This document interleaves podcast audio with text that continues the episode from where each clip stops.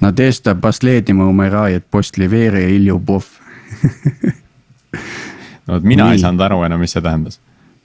no lootus sureb viimasena pärast usku ja armastust. aga kas Sergeile friisis ära? jah, Sergei ehmatas jälle ära siin, jaa, et sa hakkasid vene keeles rääkima, siis ta ehmatas nii ära, et huvitav jah. Hangus. täitsa kukkus Kangestus. täitsa hangus. kangestus ära. meie kolleeg on kadunud, täiesti kadunud. ootame tagasi härrat, siis, siis saab jälle otsast alustada.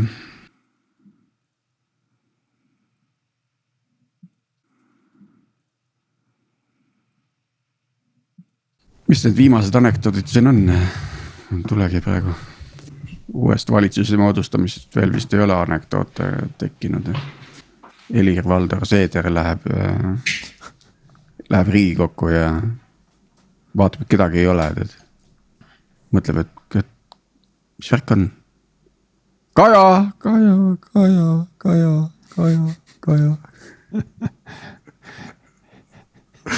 Nonii saabus Sergei, mees, Sergei ilmus välja selle peale, mees metsast. Tiit kutsus Kaja. Lihtsalt, lihtsalt arvuti pani pildi kokku noh, lihtsalt Wow. wow. liht-. Mac noh, ma esimest korda näen sihukest asja. said selle äh, black screen of death'i või? neil blue screen'i ei ole Oligi. Macil, aga neil on see mingi must on. oota, aga mis Kaleviga juhtus? Kalev läks Kaja Kallasega koos valitsust moodustama. hakkas kiire, me üritasime sinna anekdoote välja mõelda, et. Äh,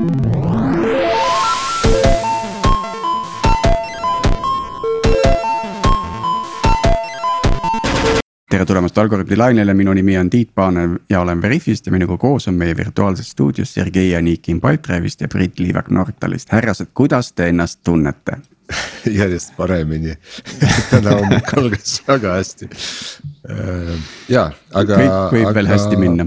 aga aasta on ju väga kiiresti alanud minu meelest, et äh, kui me edasi sellise kiirusega kihutame, põhiline tuleb lihtsalt äh, vaadata ette, et, et kuskile äh, seina äh, ei põruta. täpselt. või mööda ei pane. et ei sõida, ei kihuta kiirteel vaadates tahavaatepeeglisse, eks ju. niimoodi, aga lähme äh,, lähme edasi äh,. minul samamoodi linnutiivul on aasta alanud äh,, toimunud on palju ja, ja huvitav on just see, et see.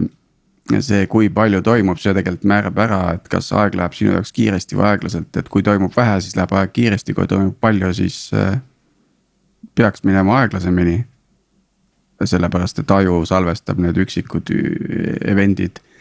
Ja, ja aju tunnetab aja kulgemist äh, selliselt, et kui palju neid momente on. aga tegelikult läheb ikka kiiresti, ühesõnaga ja täna, tänase saate teema on meil tootejuhtimine ja meil on külas äh, tootejuht äh, või, või product owner või product manager ja no eks me sellest saamegi aru, kes, kes on kes. ja tere tulemast Algorütmi Kalev Rundu Veriffist. Tere hommikust, aitäh kutsumast, rõõm siin olla. super, Kalev, räägi mõni, mõne sõnaga oma taustast ja, ja, ja siis ka võib-olla oma rollist Veriffis, et, et mida sa teed ja kust sa tuled? no minu jaoks praegune, praegune ettevõte on kolmas, kus töötada tootejuhina.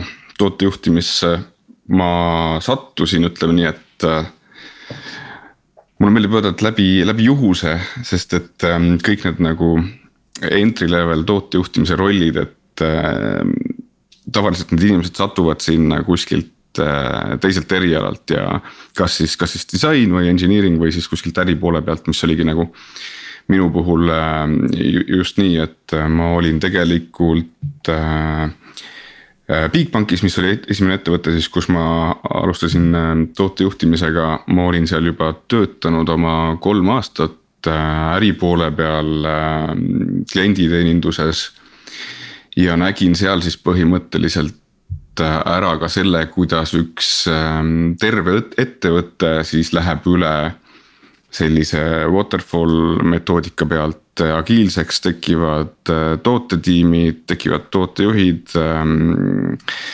et selles suhtes oli see kindlasti nagu väga hea ähm, selline esimene koht, kust äh, alustada, et ähm, kuidagi minu nagu, kui ma siis ütleme nii, et äri poole peal mm, rohkem olin, siis minu, minu rolliks sealt igapäevase töö kõrvalt saigi siis äh, koostöötamine meie arendusmeeskonnaga, mis tol ajal oli selline üks suur ruum, äh, kuhu ukse peale oli IT kirjutatud. et äh,, et äh, nagu meie äh, tootevajaduste kirjeldamisega neile ja, ja kui meil tekkisid tootetiimid, siis ma alustasin üldsegi äh, ärianalüütikuna. ja, ja sa vist Agur, Agur Jõgiga seal koos toimetasite, tegite just, seda agiilset et, transformatsiooni, eks ju. täpselt, et Agur tuli meile, tuli meile CTO-ks Bigbanki ja, ja hakkas seal nagu väga korralikult äh, majandama ja ümber tegema. Kas, kas tänaseks olete kohas, kus on, äh, kas sa tunned, et see, see protsess oli nagu hästi juhitud ka või et see nagu täitsa sihilikult mindi üle agiilsele, meil käis äh,. äh Nortalis käis rääkimas äh,, see oli nüüd kas eelmine nädal või üle-eelmine nädal oli äh, kurikuulus Uncle Bob, Robert äh, Martin käis rääkimas äh, agiilsuse tulevikust ja tema ütles, tema pole kunagi ühtegi sellist agiilset transformatsiooni näinud õnnestuvat. Et mm -hmm. kõik, kes hakkavad tegema mingit asja, mille nimi on agiil-, noh transformatsioon agiilsele äh, protsessile, ebaõnnestuvad nagu lõpuks selles ma ütleks, et see õnnestus äh, väga hästi, ma küll, äh, ma küll läksin sealt mingi hetk nagu edasi, aga ikkagi selles suhtes kuskil. kuskil kaks aastat ma ikkagi nägin seda, seda pealt, see oli selles suhtes kindlasti Ähm, kindlasti nagu valulik ja, ja väga paljudele ähm, alati ka tingimata muutused ei meeldi. Aga ma ütleks selles suhtes, et sinna läks väga palju ähm,. väga palju nagu sellist äh, pingutust sisse ja minu meelest, äh, mis nagu toimis äh, väga hästi, oli see, et äh,. et kui see otsus nagu vastu võeti siis sellega mindi ka lõpuni ja selle, sellega kaasnes siis väga palju erinevaid äh, koolitusi tootejuhtidele, analüütikutele, ähm, pidev äh, coaching, meil olid igas tiimis Scrum Master'id, et selles suhtes kõik need inimesed. kes, äh, kes seal, ähm, kes selle muudatuse siis nagu koos meie meeskonnaga läbi tegid. Ähm, ja kes on nüüd nagu hilisemalt ka kuskile mujale edasi läinud, on, ma arvan, just nagu tänu Bigbankile ja sellele, nendele muudatustele. saanud endale väga kõva tootejuhtimise ja agiilsuse äh, vundamendi alla, seal muidugi oli nagu teine, teine aspekt sellele asjale ka, et. Ähm, et väga pikalt me proovisime kõike by the book teha ja mitte võib-olla mitte võib-olla nii väga proovida aru saada, et mis siis nagu meile sobib, et mm., et mis on nagu need äh, head jooned, mis me saame üle võtta. ja mis on siis nagu see, et mis sobib konkreetselt nagu meie tiimi dünaamikaga, et äh, seal tekkis nagu see väljund, et me oleme nagu liiga agiilne tead, selle okay. kohta mina, mina olen kuulnud teooriat, et need, kes, need, kes alustavad, need peakski tegema kõike hästi by the book. et just, et siis nad saavad aru sellest, et mis, mis nende jaoks sobib, et kui nad kohe hakkavad kohanduma, siis on, on oht, et kaldutakse liiga palju sellest algsest äh, mõttemaailmast äh, kõrvale ja, ja minnakse hoopis midagi, midagi täitsa muud asja tegema. ma ei vaidle sellele absoluutselt vastu jah. ma arvan, ma arvan, Priit siin ikkagi ei Äh, noh, tehes by the book äh, sa ikkagi pead süvenema, et miks mingeid asju tehakse nii nagu raamatus on kirjeldatud, et sest kui sa ei mm -hmm. saa aru, siis äh, sa noh. tulevikus ei suudagi kohaldada, sest, sest ja. sa noh, et, et, et see, see, mida raamatus kirjutatud, et seda on hea proovida, et aru saada, kuidas see toimib ma, ma arvan, et sellepärast, et see ongi üks põhjus, et äh, kui sa teed hästi rangelt by the book, isegi kui sa kohe aru ei saa, miks nii tehakse. siis läbi selle tegemise sul tekib ka see parem arusaamine sellest. et noh, vähemalt alguses Niimoodi. peab proovima. Kalev, olid ärianalüütik, ühel hetkel said aru, et oled tootejuht, kuidas see krõps käis see läks võib-olla läbi selle, et, ähm, et kogu selle transformatsiooni käigus, noh, kindlasti me tegime ka palju vigu ja, ja. võib-olla ei tahtnud kohe siis nagu päris uusi tõdemusi äh, üle võtta ja sellest tekkisid ka sellised teatud nagu uuenduslikud äh, struktuurid, ütleme nii, et ähm, et, et mis, mis siis ikkagi ärianalüütik teeb ja, ja kas ärianalüütik on product owner ja siis lõpuks oli lihtsalt nagu see, et inimesed natukene liikusid. toimus selline väike reorg äh, jällegi ja, ja siis ma põhimõtteliselt hakkasingi sama toote äh, ärianalüütikust liikusin siis tootejuhiks mm. -hmm et see oli nagu selline siis... suhteliselt orgaaniline, et see liikus kogu aeg nagu sinna, vastutust tuli juurde ja siis ühel hetkel oli see nagu loogiline samm, mis, mis siis ka nagu nii-öelda paberi peal ära teha mm.. kas siis edasi läksid Pipedrive'i? ei, veel mitte, seal sinna jäi ikkagi selline mm, piisavalt palju aega, et õppida ja seigelda ja, ja teha nii õigeid kui, kui ähm, valesid otsuseid. et, äh, et ma sain seal selles suhtes veel äh, päris palju areneda ja, ja siis ma läksin Pipedrive'i. ma küsiks, äh, Kalev, äh, et kui sa olid nii ärianalüütiku kui ka tooteomaniku rollides ja sisuliselt samas organisatsioonis, et. et kuidas mis see erinevus oli, et mis nii-öelda ülesandeid või vastutust tuli juurde ja mis läks justkui ära, et, et ma arvan, et see on hästi oluline tegelikult nendele vana majanduse mm, ettevõtetele äh, aru saada, et äh, noh, et just selle nii-öelda äh, populaarse sõna juures digitaliseerimine, et, et, et mis, mis muutub? no siin on võib-olla nagu see vahe, mida ma tooksin välja, et, et kui me nüüd nagu, kui ma nüüd võrdlen Pipedrive'i või, või Veriffiga, kus äh, minu teada ka Pipedrive'is veel tänase päevani sellist rolli nagu ärianalüütik äh, ei ole.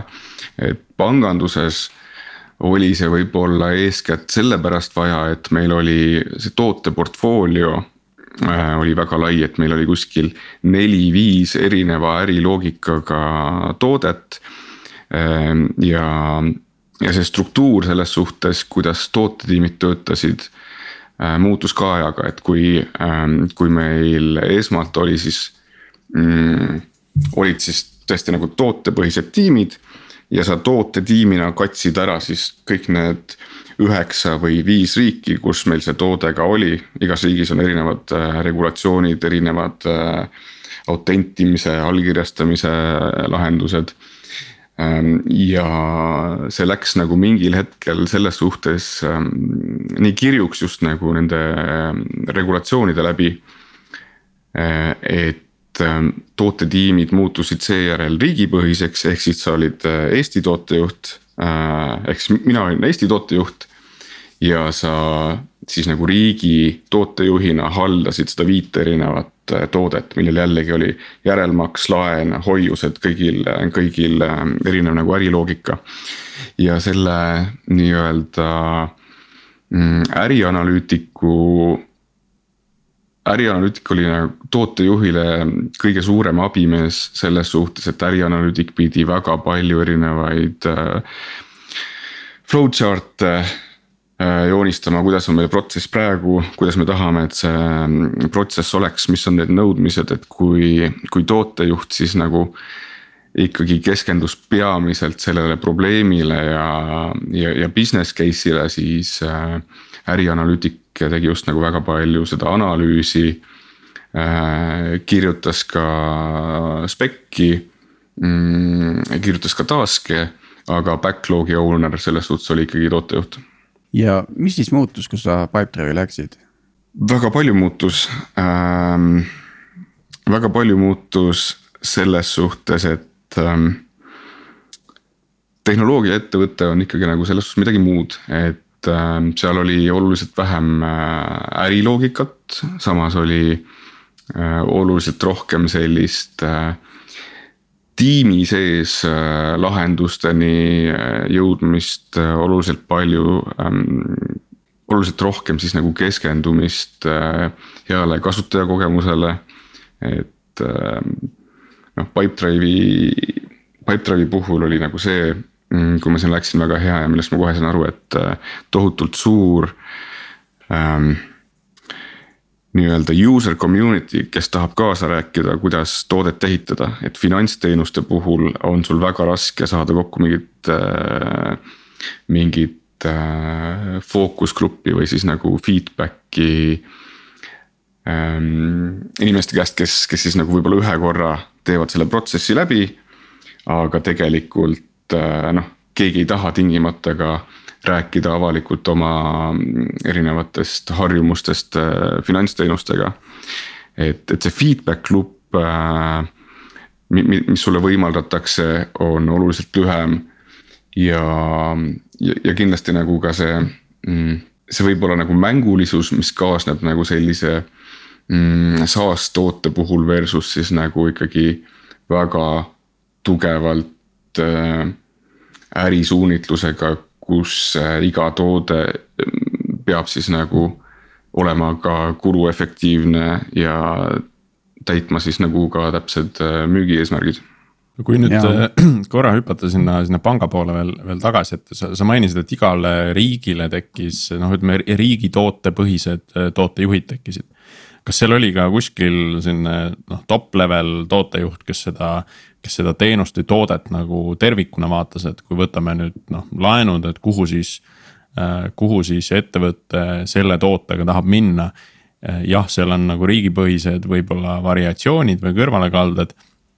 aga tervikuna nagu kuskil kõrgemal tasemel, kas seal oli ka see juhtimise ots olemas? sul oli nii-öelda siis äh, partner siis maajuhi näol, kes siis juhtis tegelikult seda ärilist poolt Ähm, kõikide toodete osasi, kes siis, äh, kellega koos sa analüüsisid just nagu mingit tootevõimekust, tooteplaane, et äh, kui me, kui me teeme noh, siin seda toodet niimoodi ümber, et äh, mismoodi see uus toode siis skaleeritav on, et seal selles suhtes oli nagu ähm, riigi ärijuhina oli nagu see partner olemas. Hmm Kalev, aga nüüd äh, räägi natuke sellest ka, et mis sa täna Veriffis teed? tänasel päeval äh, ma olen siis product owner meie mm, verification, verifitseerimis äh,. verifitseerimistööriistadele, ehk siis kui äh,, ehk siis minu klient on sisemine klient ja minu kliendiks on siis meie ettevõtte kõige suurem valdkond selles suhtes, et äh, meil on kõige rohkem inimesi tänasel päeval ähm,. on siis nagu verifitseerimisspetsialistid, et kui meil tuleb siis verifitseerimissessioon sisse, millest automaatika jagu ei saa ja see läheb manuaalsesse flow'sse.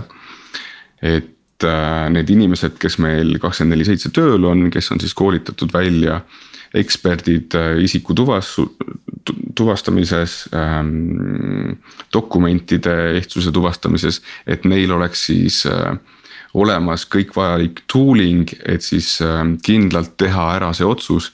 kas see inimene ja see dokument äh, on ehtsad või mitte ja seal muud loomulikult siis äh, sellised äh, kriitilised faktorid on äh, aeg äh,, täpsus äh,, conversion Äh, see tähendab, et see tooling peab olema esiteks ähm, väga kasutajasõbralik, ähm, kiire ja peab võimaldama siis ka ähm, audit trail'i, et, et mis seal täpselt sai äh, kontrollitud, mis liigutused see inimene seal manuaalselt pidi tegema. ja lisaks äh, sellele kuulub minu ownership'i ka meie QA tool kus siis meie kvaliteedieksperdid ähm, hindavad seda kvaliteeti. Äh, kuidas äh, verification inimesed on neid äh, sessioone ähm, teostanud sa oled kolmest ettevõttest nagu näinud seda tootejuhtimise rolle ja, ja sa juba kirjeldasid nagu iga ettevõtte spetsiifikat ka veidikene. aga meil on nagu terminoloogia ikka lappab nagu täiega, et, et küll on toote omanik, siis on tootejuht, siis on product owner, product manager, eks ju, eri keeltes. kasutame neid termineid sinna-tänna on ärianalüütik, siis on mingid projektijuhid veel, eks ju. mingid programmijuhid on ju, et kuidas, mis on sinu nagu selline eelistus, kui me räägime tootearendusest ja ja selles arenduses siis nii-öelda see toote nagu juhtivat täit-, juhtimist täitvat rolli, et mis on see õige nagu äh,. ja kas on üldse vahet tooteomanikul ja tootejuhil? ma ütleks, et on, mina eelistan mina eelistan ikkagi eelkõige äh, tootejuhti või nagu product manager'i kui sellist. Ähm, mille poolest erinevad siis nagu product owner ja product manager on see, et product owner tegelikult on lihtsalt, äh, on siis nagu see. Äh, on tulnud Scrumist ja, ja tähistab siis seda backlog'i owner'i rolli, et see tegelikult võib olla teatud ähm, tiimi setup'iga ka näiteks äh, engineering lead või, või tehniline product owner või, või service owner. et äh, ähm, product manager kui selline on see, et, et see suur vahe, et äh, on, on, on tegevusi, mida, mis neil nagu mm, kattuvad nagu backlog'i ownership nagu äh, prioritiseerimine mm,. Äh, short term roadmap.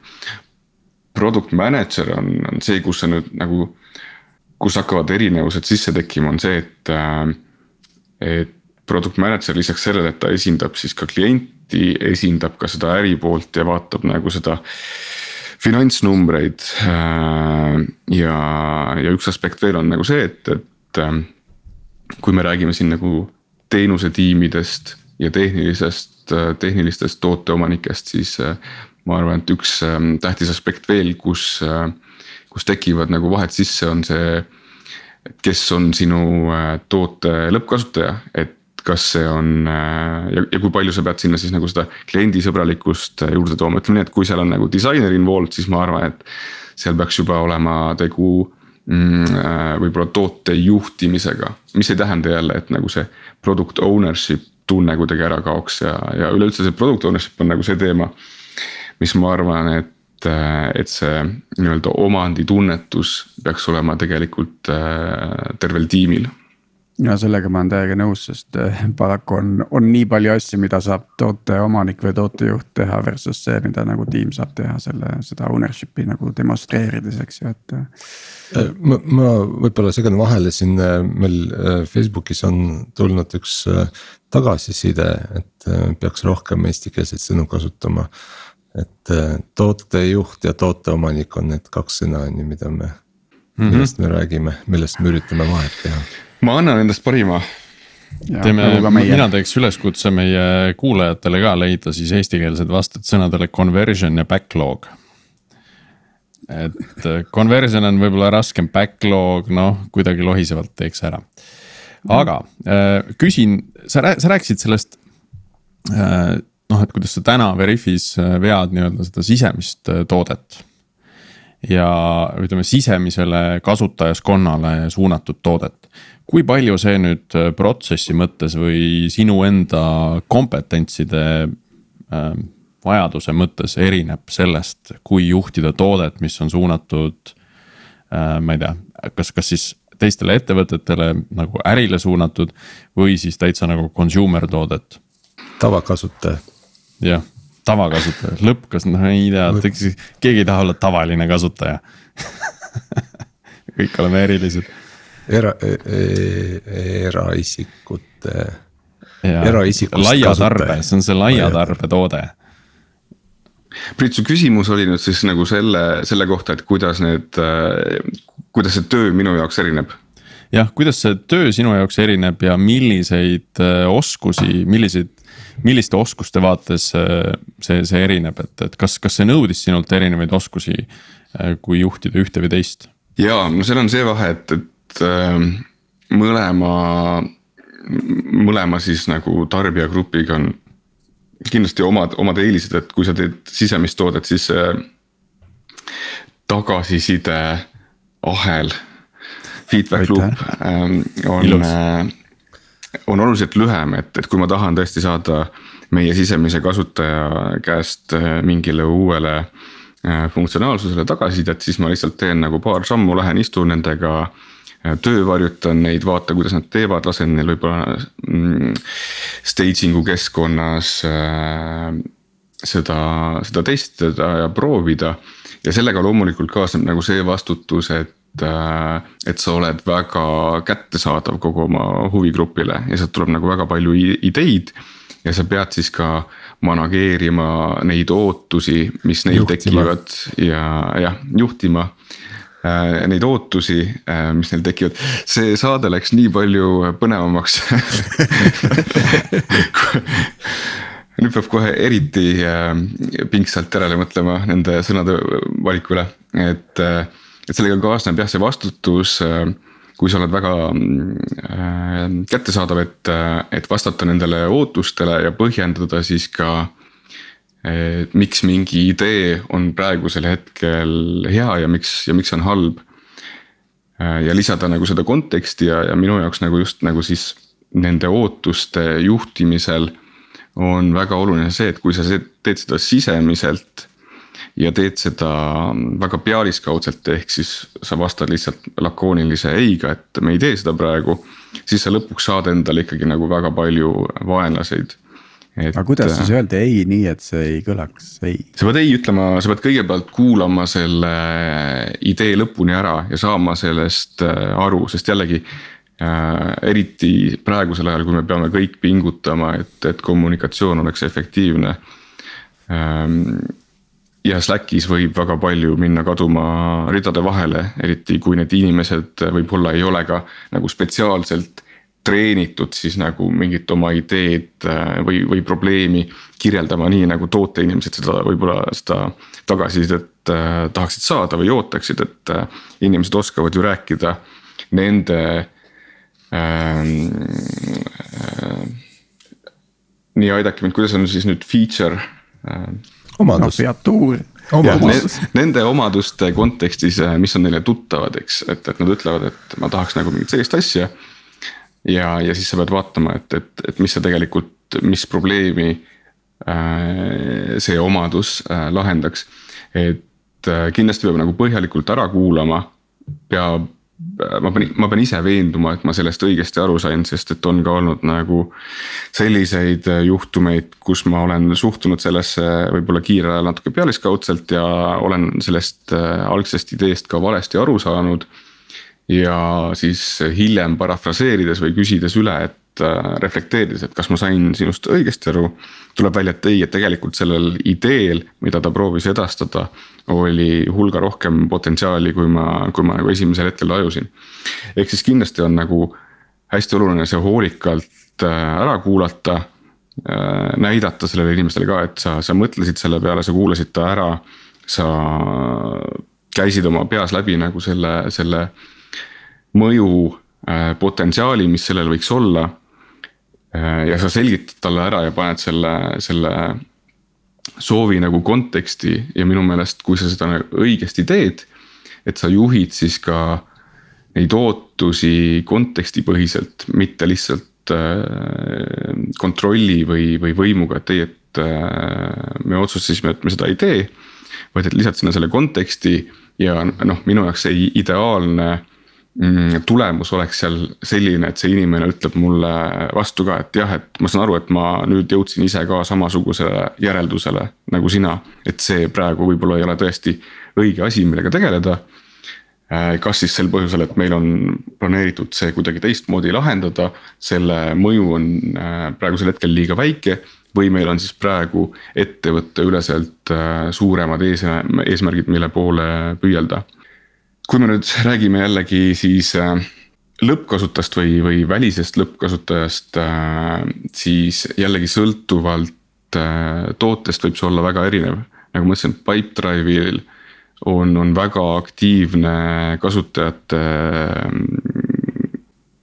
kasutajate grupp, et selle jaoks on Facebookis samamoodi omad grupid, nad tahavad väga kaasa rääkida, meil on ka beta testijate erinevad grupid olid seal ma suhtlesin igapäevaselt äh, meie kasutajatega äh, meili teel ja, ja tegin ähm, päris palju intervjuusid. Veriffi puhul see on jällegi nüüd nagu raskem, et meil ei ole tegelikult meie, meie see kokkupuude enda siis ähm, ähm selle lõppkliendiga, kellel on siis nagu see, kes puutub kokku meiega selle kahekümne sekundi jooksul kuskil teise äri flow's et see on nagu üsna väike, et me oleme ka nagu mõelnud, et kuidas me saaks sinna tekitada sellist mm, jäädavat äh, tagasiside luupi. aga mm,. et need kontaktpinnad on tegelikult väga, väga erinevad, eks kui, kui ühelt poolt äh, tooteomanik välise kliendi puhul, välise kasutaja puhul on tooteomanik äh, mõneti nagu sunnitud ka leiutama neid viise, kuidas saada kätte äh, seda tagasisidet lõppkasutaja käest. Et kas ta püsis seal leheküljel piisavalt kaua, kas ta tegi selle ärilise voo lõpuni, siis sisemise kliendi puhul sageli noh, seda ei ole nii-öelda sunnitud tegema, vaid sa saad seda võib-olla kuidagi lihtsamalt kätte vahetumalt kätte, aga samas teisalt see, see info siis ei ole ka nii põhjalik, eks ole, et sa ei saa nagu seda terviklikku vaadet. Ähm, ja see kontakt, kontaktpunkt on siis nii-öelda nii palju ka lähemal äh, teisele poolele, et nemad saavad lihtsalt tulla sinu juurde küsima. Äh, kuna neid õnneks väga palju ei ole, siis see ilmselt äh, täiesti sinu aega ära ei võta, et sul ei ole järjekorda ukse taga inimestest, kes tahavad tulla rääkima mingitest oma spetsiaalsetest äh, vajadustest, mida peaks kindlasti tootesse sisse panema, eks. Äh, aga äh, kuulge no,, kas me ei, kas me ei pane nagu tootejuhile liiga suuri ootusi, et ühtepidi me ootame, et ta suudaks klientidega suhelda, siis ta peab saama aru regulatsioonidest, siis ta peab tegema äh, nii-öelda ärilist nii-öelda business case'i üles ehitama siis ta peab jälgima igapäevast äh, meetrikat selle toote kohta ja siis peab kantseldama veel seda tootetiimi ja. leppima seal arendajatega, testijatega, disaineritega kõiges kokku, et äh, kas äh, nagu liiga palju ühele mehele ei ole naisele no meie ilmselt ei oska seda kommenteerida ja seda oskab ainult Kalev kommenteerida, kas seda on vähe või, või palju. no ma pean siia lisama, et, et ma ei tööta nendes, nendes nagu kolmes mainitud, mainitud ettevõttes ka korraga, et, et selles suhtes oleks, oleks kindlasti nagu liig, mis on nagu selle juures jah väga oluline. ja, ja mida ma tunnen, et, et nii Pipedrive kui noh, Veriff on küll praegu ikkagi oluliselt väiksem organisatsioon. aga kui nüüd nagu Pipedrive'i näitel rääkida, et sul olid tegelikult kõik need, need ähm, vahendid ja, ja see tugistruktuur äh, oli nagu paigas, et enda tööd võimalikult hästi teha, et sul oli äh, research'i tiim. sul olid äh, siis äh, juristidest äh, nõuandjad, kelle käest äh, küsida nõu. sul oli mm, väga pädev engineering lead, kellega sa said asju põrgatada, sul oli terve disainitiim, et tegelikult jah, et sa pead kandma nagu mitut mütsi korraga, aga samas ka nagu sellises äh, ikkagi nagu ütleme siis nagu, et äh, tippettevõttel on, on selleks loodud ka vajalikud äh, tugistruktuurid, et selle kõigega hakkama saada.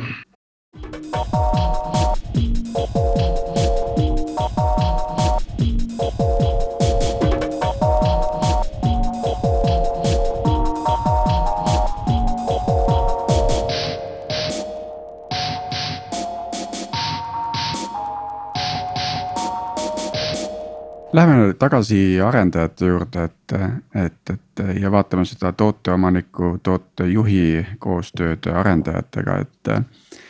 et, et võib-olla veidi äh, lahkad praegu seda, mis, millega sa praegu kokku puutud, et, et noh, kõrvaltvaatajana näen seal nagu, nagu ülihead koostööd, eks ju, et, et mis on selle koostöö nagu sellised tugisambad või alused no üks põhiline asi on kindlasti see, et kõikidel, kui me, kui me räägime siis nagu meie, meie tiimist või noh, alustame sellest, siis seal on kõigil väga tugev just see omanditunnetus.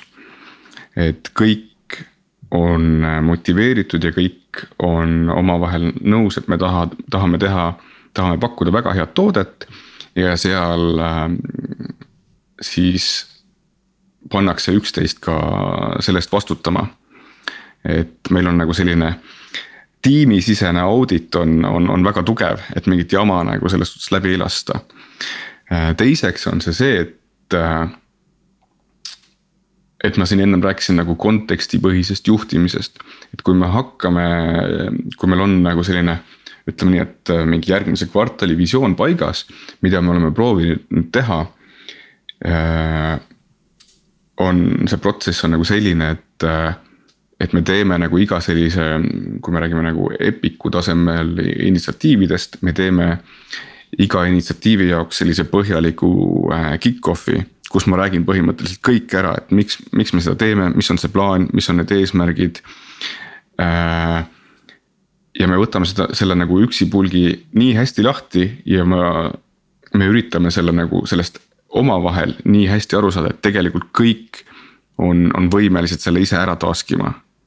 et kõigil on piisavalt palju konteksti, et me ei peagi äh, siis äh, panema nii palju aega ja, ja, ja enda nagu ressurssi mingite nõuete kirjapanemisele. vaid et äh, me pigem nagu kulutame selle aja, äh, investeerime sellesse, et saada aru, et miks me midagi teeme. Äh, mis probleemi see lahendama peaks ja lepime nagu omavahel kokku, et milline see olla võiks.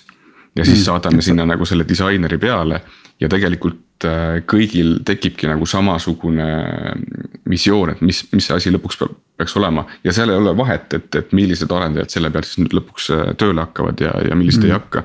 et me, meil on nagu kõigil samasugune ootus. tavaline või noh, tihti esinev problemaatika seal on see, et tootejuht mõtleb mingi asja välja, võib-olla isegi koostöös disaineriga ja siis äh, what on nagu, ehk siis mida on vaja teha, on nagu selge. ja siis äh, kuidas teha, seda oodatakse arendajatelt ja siis miks unustatakse nagu üldse ära, et, et, et siis arendajal tekibki sihuke tunne, et noh, kirjutasin täna seda koodi, siis tegin, siis tegin seda ja. ja lõpuks tal tegelikult see kontekst ja suur pilt kaob ära ja tunnebki, et ahah, ma olen siit selleks, et lihtsalt nagu koodi treida, et seda juhtub ja, ja olen kokku puutunud ka nagu arendajatele, kelle, kellele selline töökorraldus äh, sobib, aga see pole kindlasti parima toote tulemuse huvides mm. -hmm. et võib-olla väike võlunipp, et äh, natuke sa juba seda avasid ja seda mix'i poolt ja sellist nagu, et igaüks on võimeline seda probleemi ise task ima, eks ju, et ülesandeid sellest äh, väiksemaid üle, väiksemateks tükkideks lõikama, eks ju. et, et äh, võib-olla midagi veel, mis, äh, mis kas on mingisugune tiimi kokkulepe või sisemine selline äh, reegel, mida me kasutaks, et, et need arendajad ei jääks sellest äh,. miks me seda teeme ja, ja siis mida siis täpselt tehakse sellest nagu kõrvale, et. me eile tegime just äh, värske äh, värske jutt, et kuidas me eile siis äh, hakkasime taaskima või pigem nagu hakkasime kokku leppima öö, äh, uut funktsionaalsust või, või seda ja me võtsime nagu selle läbi ja siis tegime põhimõtteliselt selle, äh, selle arutelu lõpus sellise harjutuse, et terve tiim pidi siis ütleme nii, et äh, valgelt lehelt paneme kirja siis need nagu nii-öelda eesmärgid või, või objective'id, et, et miks me seda teeme et siis nagu kontrollida, et kas me saime sellest tegelikult ikkagi ühtemoodi aru. ja et kui me siis jõuame kuskile ja kõhkleme, et me saaks siis nagu vastu neid äh, eesmärke valideerida, et kas me teeme seda õigesti või mitte.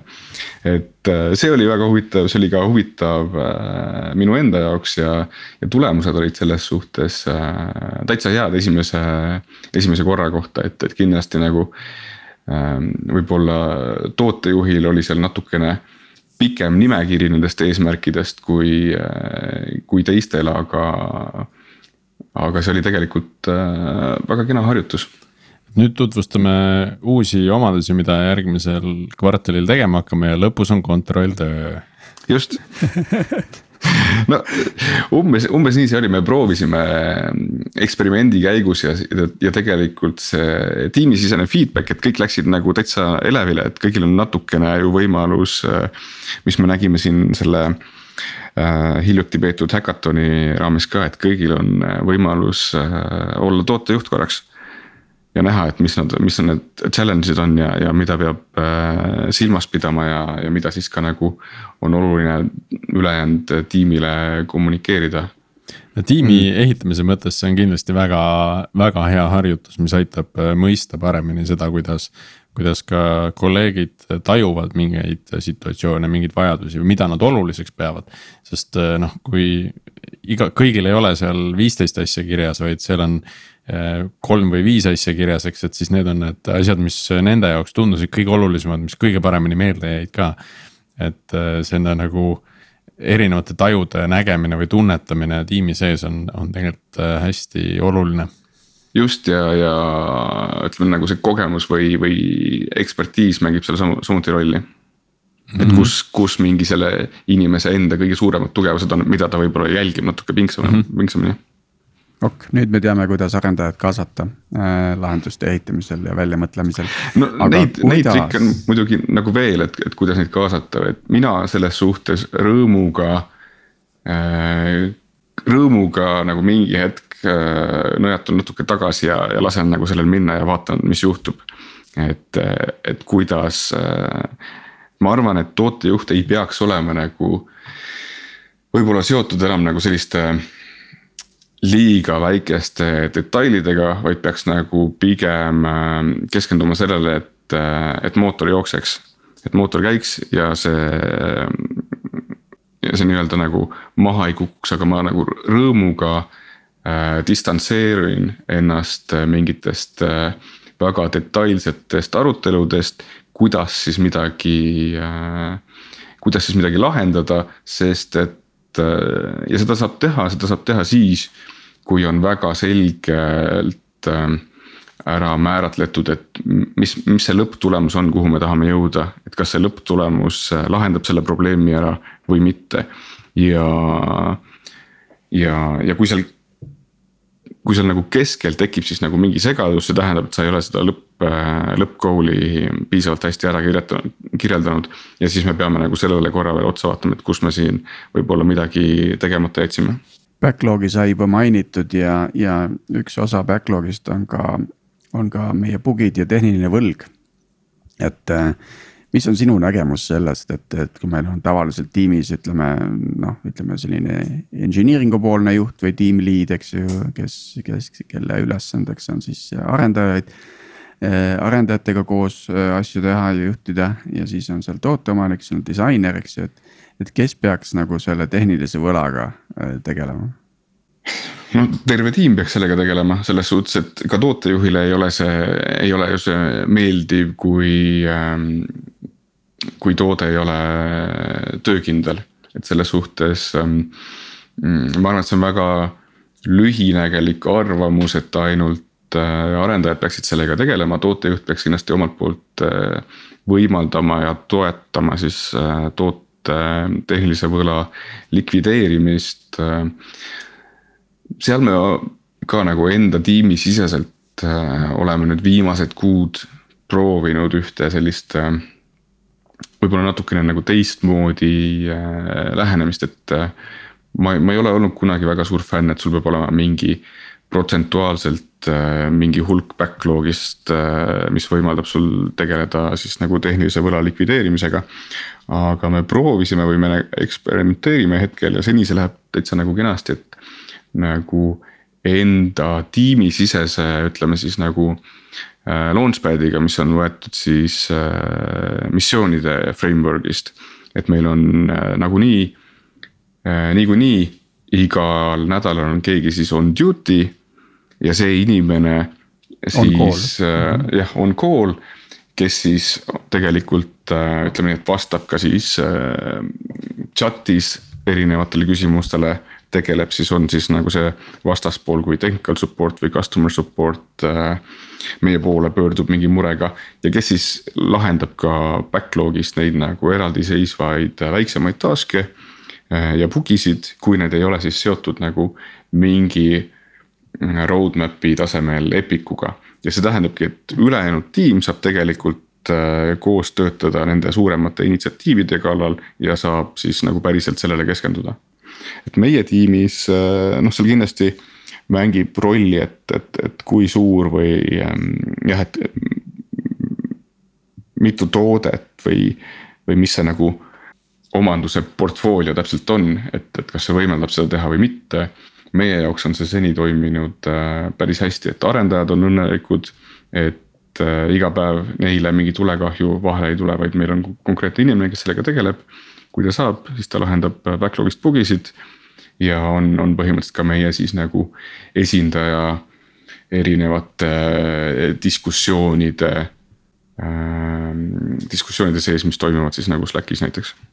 huvitav mm, -hmm. me oleme äh, juba noh, mina mäletan juba sihuke viis aastat tagasi oli selline roll nagu korrapidaja. nimetati korrapidajaks seda inimest, kes siis samamoodi arendustiimi sees roteerus ja noh, tegi te tegelikult täpselt neid samu asju.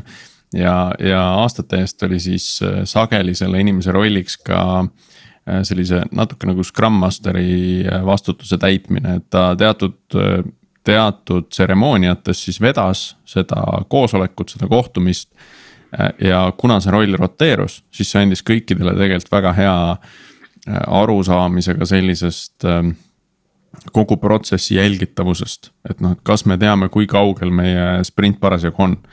ja kui raske seda infot kätte on saada, äh, kas siis teiste inimeste käest või kuskilt süsteemist, eks ole. et muidu, kui üks inimene seda kogu aeg teeb, siis see on nii-öelda tema valukoht. aga kui kõik, kõik tiimis saavad seda proovida, siis siis nad saavad hoopis paremini järgmine järgmine periood siis aru sellest, kui oluline seda infot on anda välja. et mida see tähendab? me proovisime sama, me proovisime sama, meil see kahjuks äh, nii hästi ei õnnestunud.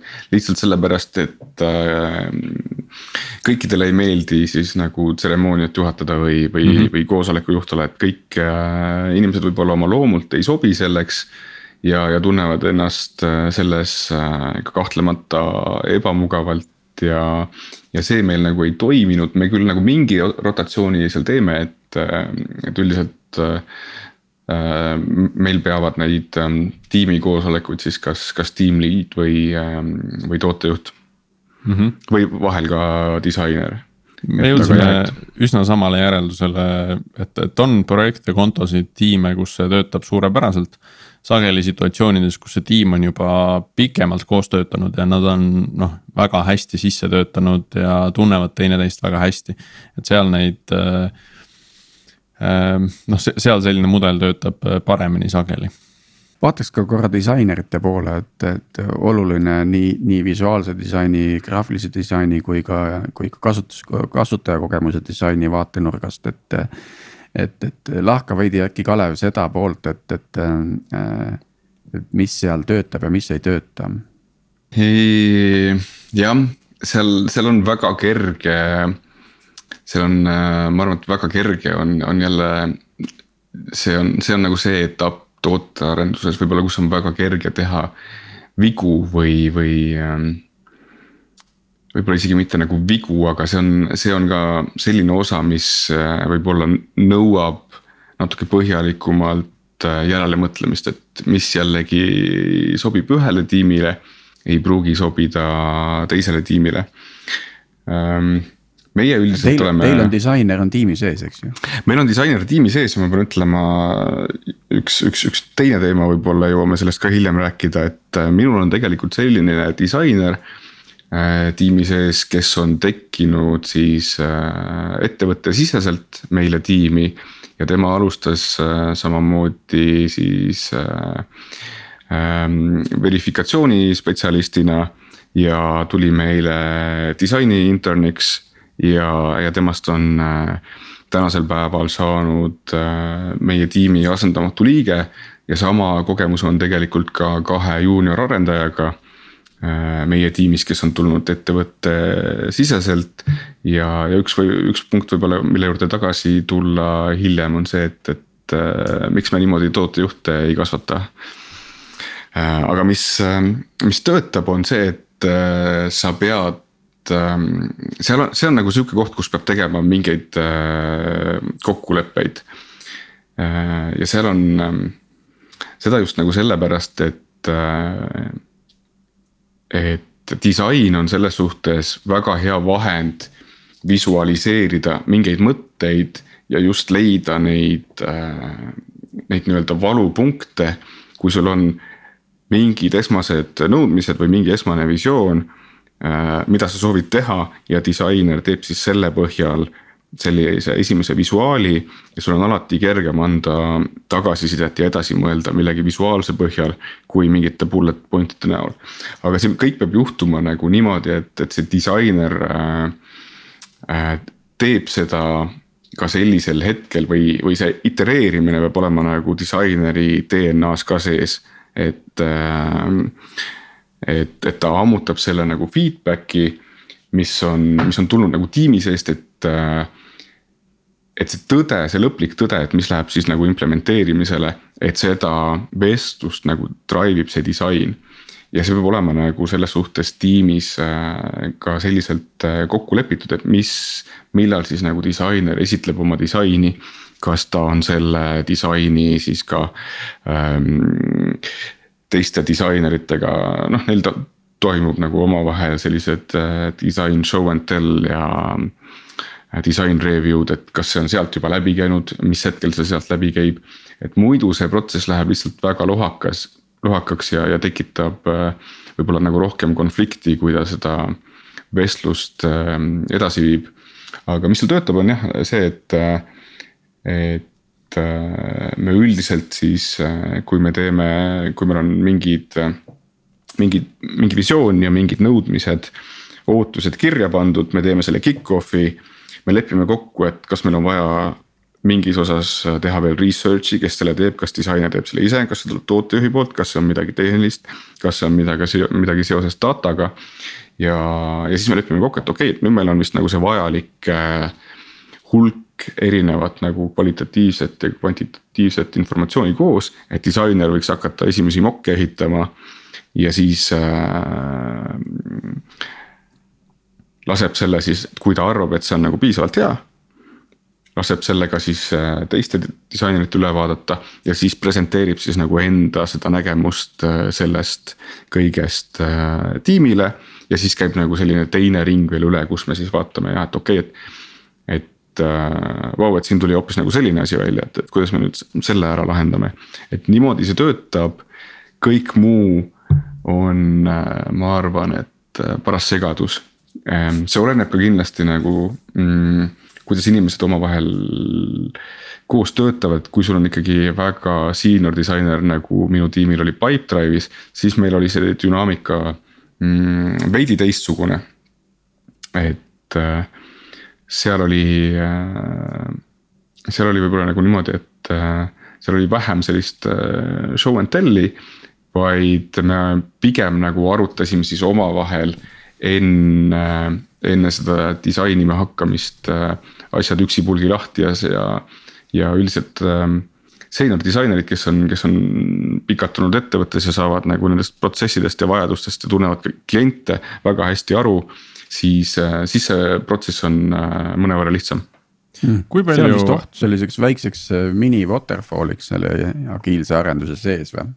see on oht, jah nagu ma ütlesin, et see on, et see on nagu selline protsessi osa, kuhu peab väga teadlikult ähm, keskenduma, et see, et see nagu sujuvalt läheks mm. -hmm.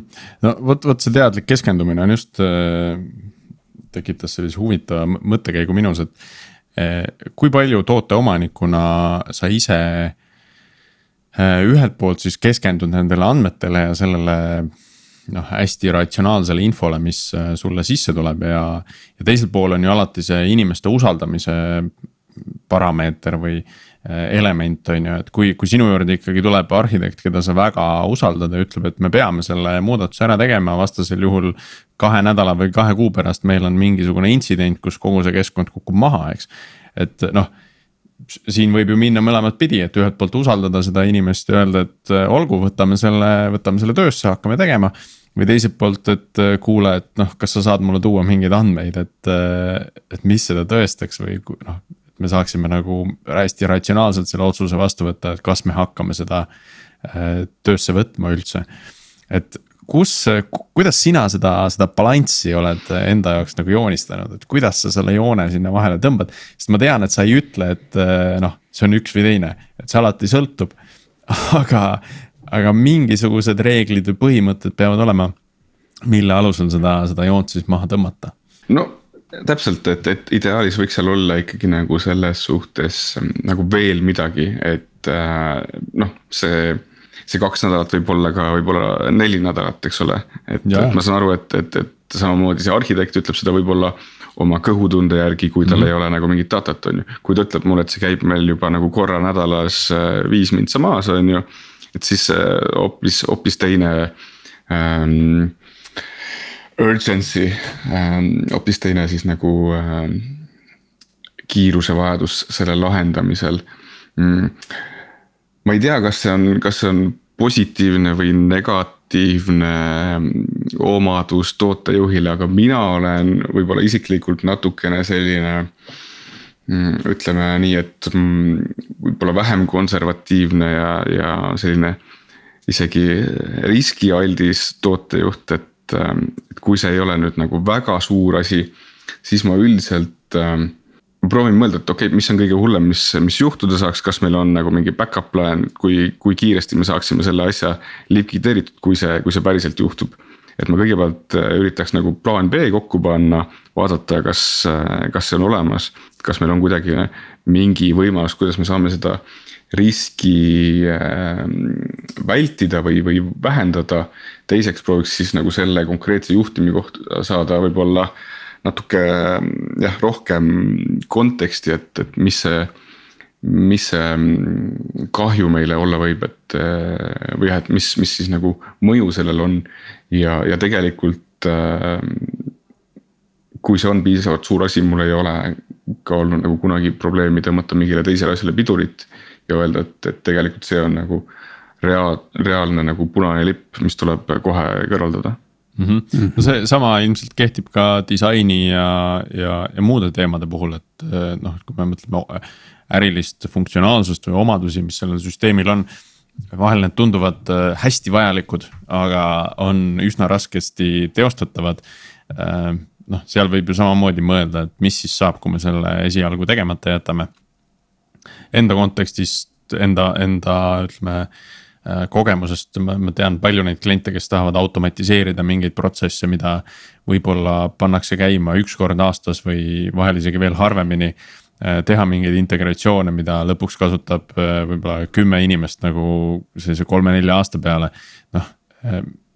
kohati selliseid ots-, otstarbetuid asju, aga need tunduvad hästi Äh, kriitilised, et siis ma arvan, et selline mõtteviis, et äh, mis siis juhtub, kui me selle esialgu tegemata jätame. on äh, see plaan B nagu väljamõtlemine on kindlasti väga kasulik mm.. seal jah, kindlasti nagu impact ehk siis mõju ja siis ajakulu, mis sellele läheb, et kui see on ikkagi mingi selline paari-kolmekuuline panus, mis sinna võiks minna, siis jah, ei, ei tasu seda võib-olla nagu kohe liiga kergekäeliselt ära teha, et natukene alati võid ju natukene challenge ida, et keegi näeks oma, oma idee edastamisega natuke rohkem vaeva mm.. vaatame veel ka testimise maailma, et äh, palju sina, Kalev, täna oma toodet testid ja kuidas sa näed, et see testimine võiks olla korraldatud äh, just eriti, mis puudutab äh, neid erinevaid rolle, kes sellega on seotud, ehk siis toote omanik. tootejuht, arendaja ja potentsiaalselt siis võib-olla testija, kes on seal juures ma jällegi sain äh, alles eile sellise väikese, väikese õppetunni, et, äh, et äh, meil oli vaja üks kiireloomuline probleem lahendada ja mulle üldiselt meeldib ikkagi ähm, testida siis kuskil. kuskil teises keskkonnas selliseid noh, ütleme nii, et kui seal ikkagi on nagu selline arvestatav arvestatav negatiivne potentsiaalne mõju, mis võib juhtuda. et ma testisin selle lahenduse ära. Äh, ja see oli põhimõtteliselt valmis äh, laivi minema ja ma muutsin seal viimasel hetkel veel lisasin mingeid, äh, mingeid nõudmisi. ja see läks laivi niimoodi, et ma ei testinud seda vahepeal ära ja lihtsalt kuna, kuna need viimase hetke muudatused olid võib-olla natukene niimoodi lohakalt minu poolt esitatud, siis see maksis kohe kätte et kohe sain nagu äh, selles suhtes rihma ja, ja rollback ja. ja, ja siis ma võtsin nagu tempo uuesti maha ja ütlesin, et okei okay,, et rahuneme, mõtleme korraks ikkagi nagu uuesti läbi, ma testin selle terve lahenduse nende uute requirement idega läbi. ja, ja siis vaatame, kas see ikkagi nagu toimib nii nagu me soovime. et, et alati on nagu hästi kerge hästi lihtne nagu kiirustada ja mõelda, et, et mis siis ikka juhtub.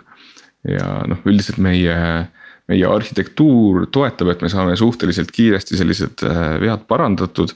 aga see kindlasti nagu hea ei ole, sest et äh, noh, me, meie sisemine klient, tema, tema tööd äh, takistavad sellised vead. tähendab jälle, et see, et võib-olla see hea suhe, mis sul on äh, nendega ehitatud, nende soove ja, ja, ja ideid. Ähm, ja nende soovidest nagu lugu pidades ja see, see terviklik äh, ja soe suhe, mis sul on, on tekkinud nagu enda kliendiga. see kannatab selle all ja, ja sellised ütleme nii, et väga kiiresti meile ka antakse kohe sellistest vigadest teada, mis juhtuvad mm. -hmm.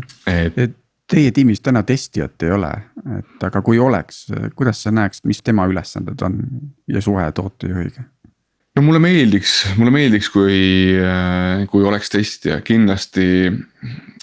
ma nüüd lõikan vahele, et mingisugune meem on kuskil jookseb kindlasti, et kui tahad oma kood, toote koodi kvaliteeti, toote ja koodi kvaliteeti langetada, siis palka testi jah, et aga noh, kindlasti tootejuhtide selline driver ja ambitsioon on ju see, et, äh, et saaks, äh, et saaks siis asju deliver dada, et, et kindlasti ta protsessi mõttes äh,.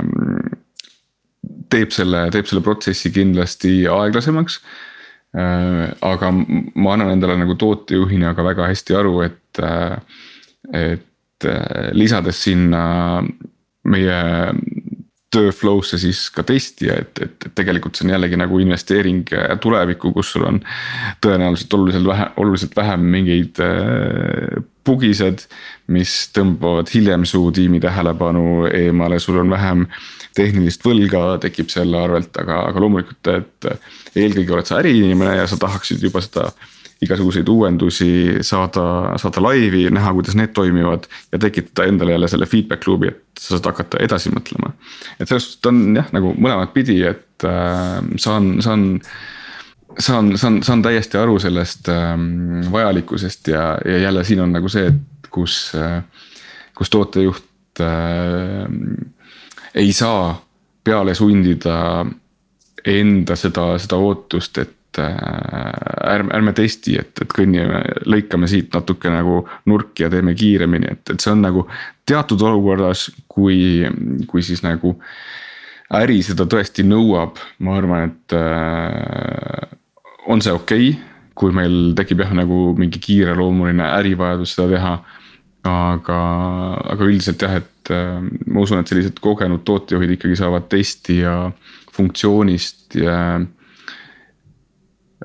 väga hästi aru, et ähm, noh, võin siin ka tuua nagu kohe positiivseid äh, kogemusi, et eriti kui on tegu sellise suure võib-olla toote launch'iga, siis igasugused testimisplaanid. seal tulevad ju välja mm, need võib-olla katmata funktsionaalsused veel, et ähm, toote kvaliteedi mõttes on, on kindlasti testija panus väga hinnaline mm. -hmm. ja võib-olla siia lõppu siis, et kas tootejuht peab oskama koodi lugeda? mina arvan, et, et ei pea. mina ei oska, ma oskan võib-olla nagu paar rida halba HTML-i kirjutada, see pole mind otseselt kunagi nagu takistanud. pigem on oluline see, et, et sul oleks väga sellised. et sul oleks väga hea klapp oma tiimiga, oma tiimijuhiga. ja et sa suudad siis nagu nendes võib-olla natukene kõrgemates tehnilistes vestlustes kaasa rääkida ja aru saada, kui sulle midagi selgitatakse, et, et milles see probleem on. Äh, ja seal on nagu selles suhtes, et see on minu meelest ka väga hea selline kvaliteet, mida tuua siis äh, tiimijuhis välja, kes, kes on siis nagu arenduse poolt äh, sinu, sinu peamine dialoogipidaja nii et äh, tootejuhile piisab, kui ta saab nagu high level aru arhitektuurist ja, ja nendest komponentidest, nende ülesannetest ja. ja omavahelisest nagu suhtluse, ma ei tea, protokollist ja, ja nende piirangutest ja võimalustest, eks ju, et. jah, et kui see on, kui see on äriline toode, et kui see on jällegi nagu selline tehnilisem toode, kus on, kus on ainult back-end, siis äh,. siis ma arvan, et see ilmtingimata ei, ei ole võib-olla piisav mm -hmm. rääkida high level kaasa, et siis peab ilmselt minema nagu rohkem detailidesse, kuna su toode on ju see. su toode on tehniline, sul peab selles osas olema ka mingi visioon, kuhu sa tahad minna ja, ja mida oma tiimile edasi anda. kas meil on täna koht Eestis, kus saab tootejuhiks õppida? Äh, meil on koht, äh, see peaks olema Tartu Ülikoolis äh, ITK valdkonnas peaks olema nüüd minu meelest kaks aastat tagasi äkki. Siis selline tootejuhtimismoodul, mida ma tean, et aitasid siis tootejuhid erinevatest ettevõtetest nagu Skype ja Pipedrive ja Transferwise ja, ja Bolt ka kokku panna, mul oli ka võimalus seal äh, osaleda. lisaks äh, isegi Pipedrive'ist äh, minu meelest osad inimesed annavad seal teatud loenguid selle mooduli raames.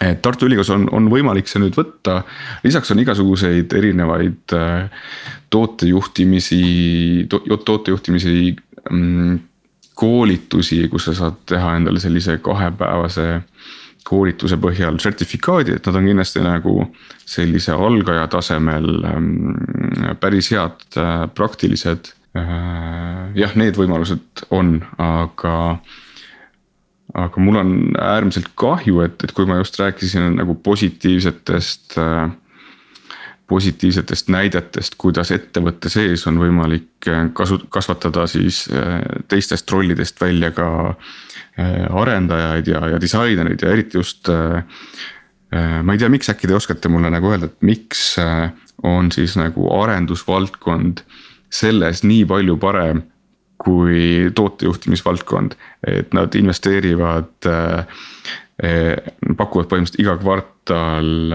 internship'e mitmele inimesele ähm,. igasugused koodi kirjutamise koolitused ettevõtte ettevõttesiseselt, ettevõtteüleselt on võimalikud äh,. miks, miks me seda, miks me ei kasvata juba, juba ettenägelikult äh, juunior tootejuhte, kes saaksid äh,, kellele luua siis ka selline tugisüsteem, õppida äh, tootevaldkonda, sest neid inimesi, kes selle vastu tegelikult huvi tunnevad ja on oma huvi üles näidanud ja, ja kellel tegelikult see tootejuhi mindset on olemas, neid on äh, väga palju tooteettevõttes. aga miks me sellega ei tegele mm.? see on ilmselt peeglisse vaatamise koht ja noh, teadupärast initsiatiiv on karistatav, nii et Kalev. You did it once with hackathon, you will do it again with this oh,, vabandust kõigi eestikeelsete kuulajate ees. aga ise võib-olla mingi raamatusoovitus ka lõppu raamatusoovitus, ma. see raamat välja, tead, kas, kus on see i-tähega algav raamat äh, viimati siin jõulude ajal äh, lugesin äh, Netflixi äh, ettevõtte kultuurist raamatut ähm,. ma pean ütlema, et see oli selles suhtes väga ekstreemne näide, kuidas väga äkitselt tehti väga suuri muudatusi aga mis lõppude lõpuks äh, on neile väga edukas olnud. et äh, nende jaoks algas see ka niimoodi, et nad pidid koondama kuskil kolmandiku oma ettevõttest ja ettevõttesse jäid siis ainult äh, nii-öelda kõige tulemuslikumad töötajad, mis siis omakorda tekitas sellise keskkonna kus äh, tulemuslikud inimesed, kes äh, on harjunud väga kõrgel tasemel töötama. kuidagi olid üksteisele väga motiveerivad, et tegelikult nende tootlus selle all ei kannatanud. ja siis järgmine samm oli see, et äh, nad koolitasid oma, oma töötajaid, et kuidas anda ja kuida-, kuidas vastu võtta feedback'i niimoodi, et see oleks tegelikult. et see ei oleks kellelegi solvav, et see oleks, seal oleks selline äh, teostatav soovitus sees äh,. ja see, et siis kas äh,. ja see, et siis, kes, kelle kohta antakse feedback'i, ta hindab seda. ja siis otsustab, et kas ta võtab selle feedback'i vastu või, või ei otsusta. ja need olid kaks esimest sammu ja siis kolmanda sammuna, millest, mida ma juba ka täna mainisin ja, ja minu nagu kõrge arvamus selle kontekstipõhisest juhtimisest on tulnud just äh, sellest raamatust, et mida rohkem sa lisad töötajatele konteksti, et kuidas meie ettevõttel läheb, mida me peame tegema.